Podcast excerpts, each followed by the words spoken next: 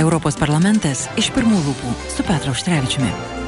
Laida parengta bendradarbiaujant su Europos parlamento frakcija Renew Europe. Atnaujinkime Europą. Studijoje prie mikrofono Liudas Armanauskas, šiandien mūsų rubrikoje Europos parlamento narys Petras Auštrevičius. Labadiena, gerbiamas Petrai. Labadiena, Zukai. Na, tikiuosi jau baigėsi karšta savaitė Strasbūrė, Europos parlamento sesijoje, bet praėjusią savaitę, ko gero, viso pasaulio dėmesys daugiau buvo nukreiptas į Vilnių, į sostinę. Laikas bėga labai greitai, netrukus bus savaitė po NATO samito. Vis dėlto su jumis šiandien mūsų pokalbį norėčiau pradėti nuo to lūkesčiai ir realybė. Kaip jūs galėtumėte įvertinti tai, kas kas įvyko Vilniaus susitikime? Pirmiausia, reikia pasakyti, kad e, iš tiesų Vilnius ir Lietuva buvo praeitą savaitę viso pasaulio žiniasklaidos centre. Daug kas matyt e, gal ir pirmą, antrą kartą išgirdo apie Vilnių, bet e, žinoma, tai, kas vyko Vilniuje, lemia ne vien tik tai, sakykime, Lietuvos ar Ukrainos saugumą ir ateitį, bet daug plačiau. Nes NATO atstovauja 31 valstybei šiuo metu tai iš tikrųjų yra didžiausias e, gynybinis blokas ir kuomet toks didžiausias pasaulinis gynybinis blokas kalba ir sprendžia saugumo klausimus pasauliniu mastu, nes susitikime buvo kalbama ir apie Ukrainą ypatingai, bet buvo kalbama taip pat ir apie Kiniją, apie kitus regionus ir taip toliau. Kitaip tariant, mes buvom patekę į labai jau svarbų e, diskusijų ratą ir iš tikrųjų Lietuvai teko pirmininkauti, kada tu pirmininkauji, nebūtinai tu gali pasiekti visko, ko tu nori, bet pasakykime atvirai, iš tikrųjų tai nebuvo triumfo valanda Ukrainai, o Ukraina buvo pagrindinis klausimas, tačiau sprendimai priimti dėl Ukrainos, ypatingai tas saugumų garantijų koncepcija, kuri buvo patvirtinta ir jau pradeda pamažu veikti, įsibėgėti. Aš manau, kad duoda vilties, kad vakarai tikrai nenusisuks nuo Ukrainos, o čia yra svarbiausias dalykas. Taip, G7 vis dėlto tas pareiškimas, bet iš kitos pusės lūkesčiai ir tie diplomatiniai žaidimai ir Zelenskio pareiškimai, jie sukėlė tam tikros sumaišties, po to atrodo aistros kitą rytą po vakarienės kiek nurimo, bet kiek mes žinome iš tikrųjų iš tų pranešimų, iš interviu, iš pasisakymų, o kiek vis dėlto, kaip įprasta, NATO susitikimuose lieka vis dėlto už uždarų durų, ar vis dėlto yra ta dalis, apie kurią ir mes, ir visuomenė nežino? Be jokios abejonės. Matot, iš išorės politika atrodo labai tokia, aš sakyčiau, elegantiška arba netgi kartais tokia biurokratiška, priimami dokumentai, sprendimai jie yra apiforminami kažkokiais, e, reiškia, parašais ir taip toliau. Bet tie patys politikai valstybių vadovai yra žmonės. Jie nebejotinai išreiškia emocijas, vienas ar kitokias ir žinant, su kokia žinia buvo atvažiavęs Zelenskis ir kokią viltį jisai turėjo. Žinot, kiekvieną dieną jam patenka ant stalo suvestinės iš, iš karo, karo lauko, kur yra baisios žinios, ta prasme, žūstantis žmonės, sugriauti miestai ir panašiai, žūstantis vaikai. Na ir ateini, o čia tau sako, žinot, jūs dar palaukite, jūs dar kažko tai neįgyvendinot, kažko tai nepadarėte iki garo, galo ir panašiai. Na ir Zelenskis buvo teisus sakydamas, kad čia NATO nepasiruošusi, Ukraina yra pasiruošusi. Gal ne iki galo, prisipažinkime, ne visos reformos dar yra padarytos, bet e, jau politinę žinę arba viltį tikrai NATO galėjo suteikti, o jau visus kitus procesus galėjo palikti ateičiai. Čia jau bent jau mano įsitikinimu. Aišku, jūsų nuomonė vis dėlto dar vienas tos aspektas, jis buvo kažkiek ryškus, tai yra Turkijos prezidento žaidimai, ar ne, ir prieš NATO samitą, na ir NATO samito metu ir pažadas, kad tai nebus kliučių Švedijai ir tuo pat metu visą tai liktai nukeliama rudenį vandeniui, dabar grūdų klausimas kyla, kokį žaidimą žaidžia Turkija jūsų nuomonė ir kiek ji e, nori dalyvauti tame dideliame geopolitinėme žaidime ir kiek ji gali tai daryti. Kažkaip turiu tokią, tokį įsitikinimą, kad Turkijos žaidimas dar nepasibaigė. Iš tikrųjų, Erdoganas davė liktai pritarimą Švedijos įstojimui, bet viską atidėjo spalio mėnesiui. Iki spalio mėnesio įvyks įvairių dar dalykų.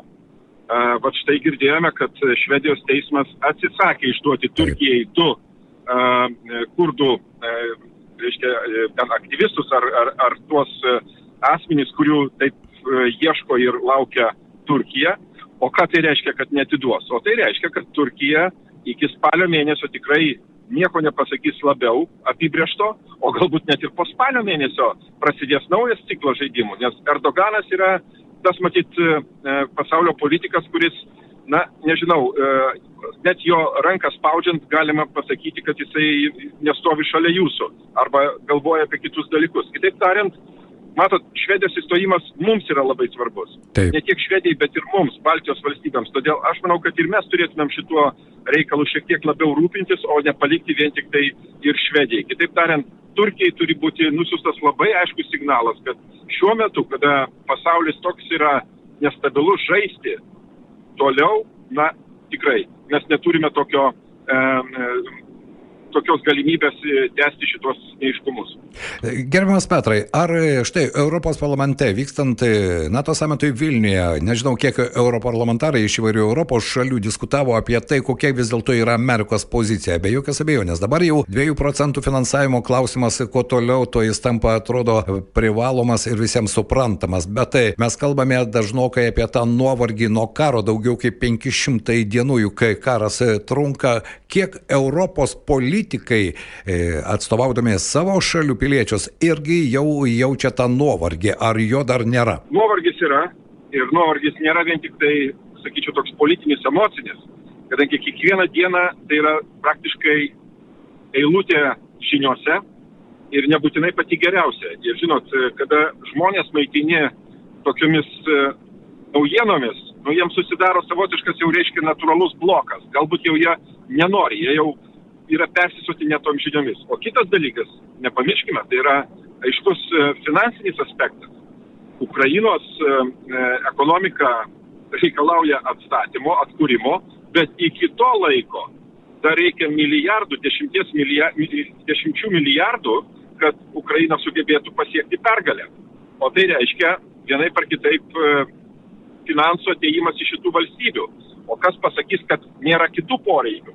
Tai va Todėl galbūt 70 respublikonų kongrese balsavo prieš Bideno pateiktą e, eilinį e, paketą finansinės paramos Ukrainai.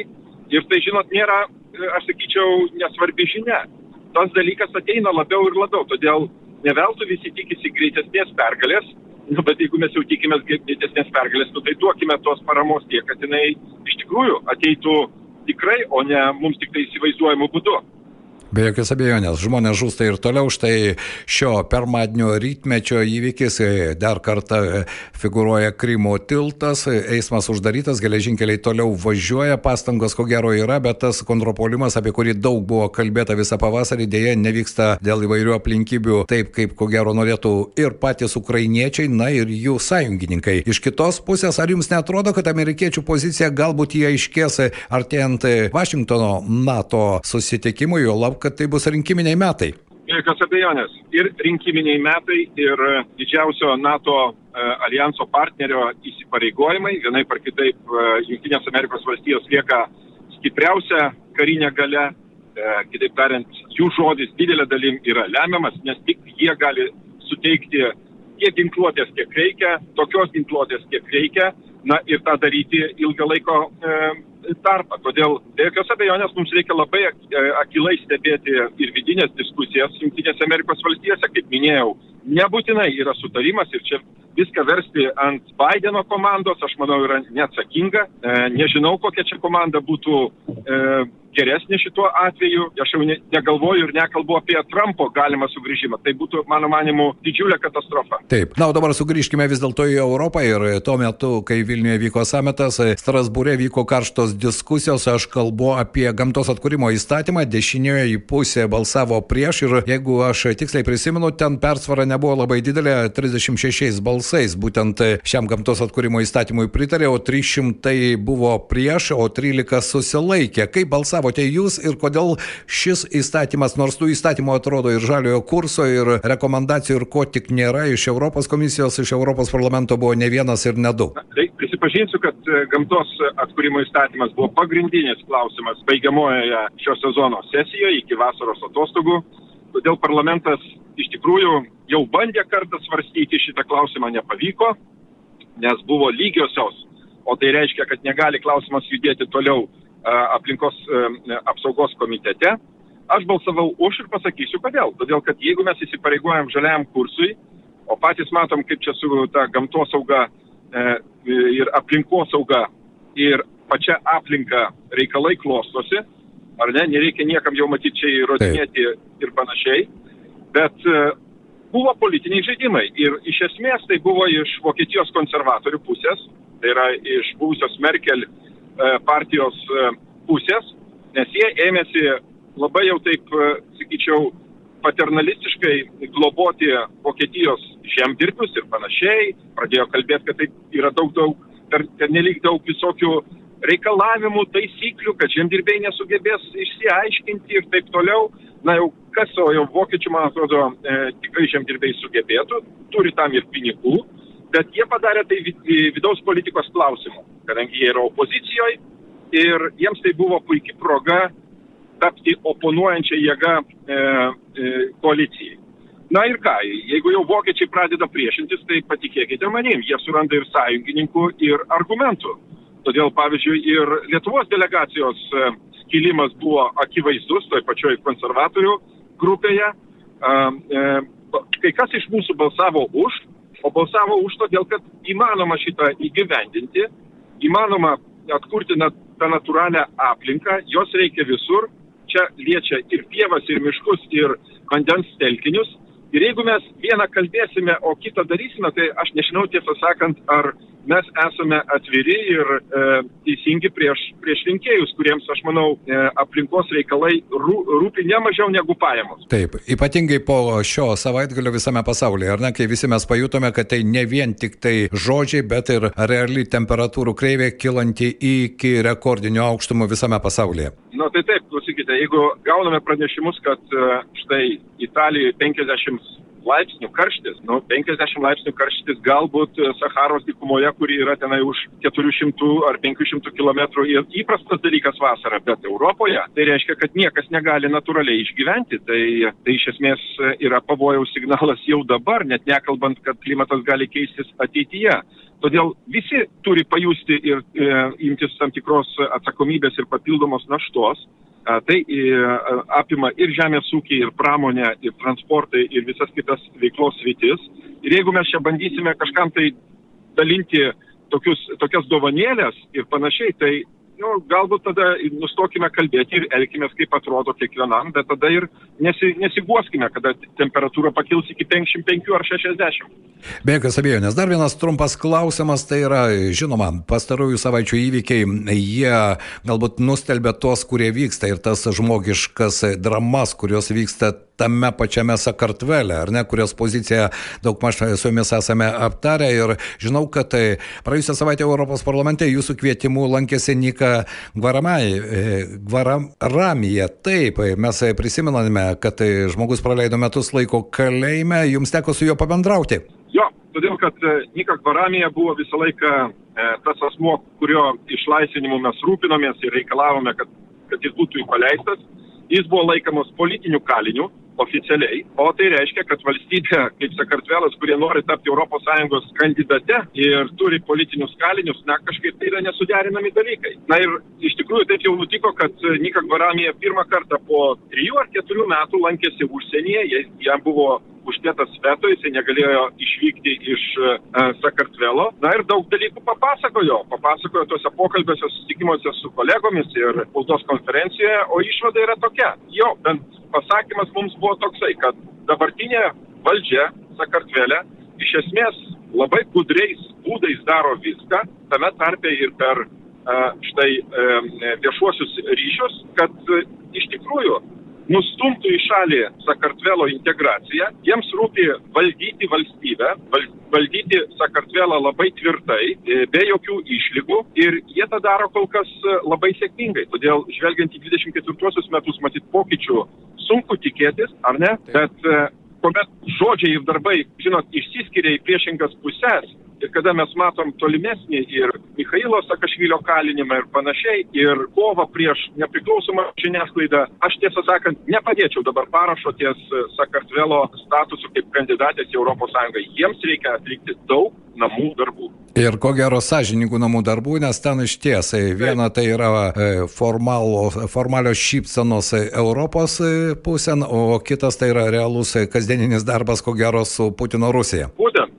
Ir, žinot, jie ne tik tai, kad pradėjo tiesioginius skrydžius ir panašiai, jie išnaudoja tą karo retoriką prieš opoziciją, kaltindami, kad čia opozicija nori įtraukti šalį į karą e, prieš Rusiją ir panašiai. Bet žinot, mane sukrėtė štai savaitgalį ištarti e, ministro pirmininko Garibašvilio žodžiai.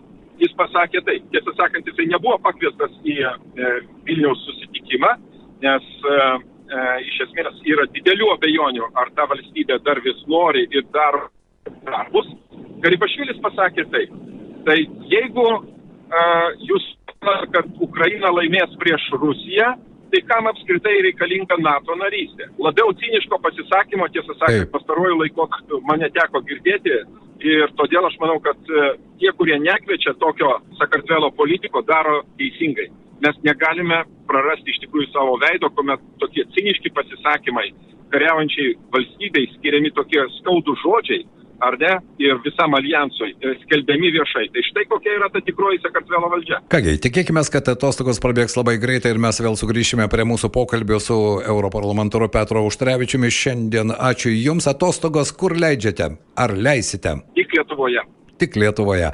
Ačiū šiandien, kad suradote laiko ir gero poilsio. Dėkui Jums. Ačiū. Gerų dienų visiems. Europos parlamentas iš pirmų lūpų su Petro Užtrevičiumi. Laida parengta bendradarbiaujant su Europos parlamento frakcija Renew Europe. Atnaujinkime Europą.